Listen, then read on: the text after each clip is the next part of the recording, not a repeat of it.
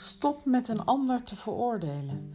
Dat is namelijk je giftige ego-stemmetje die als een venijnige heks iedereen aanwijst waar je iets van vindt. Maar waarom raakt een ander je zo dat je daar maar steeds de volle negatieve aandacht aan moet geven? Waarom ben je zo met die ander bezig? Dan zegt deze persoon misschien wel meer over jou dan je zelf beseft.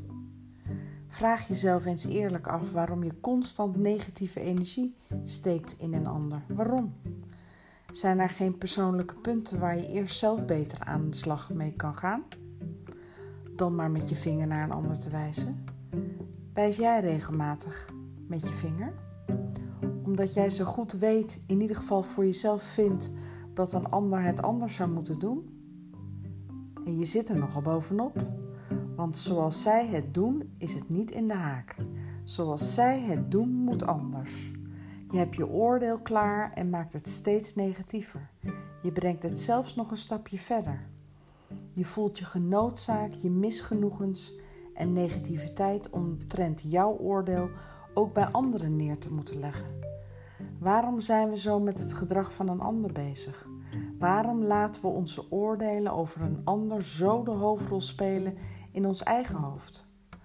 Jouw oordeel over een ander geeft aan dat je ego vindt dat jij je beter voelt dan een ander. Je maakt een ander kleiner, negatiever of lelijker omdat je zelf wil shinen.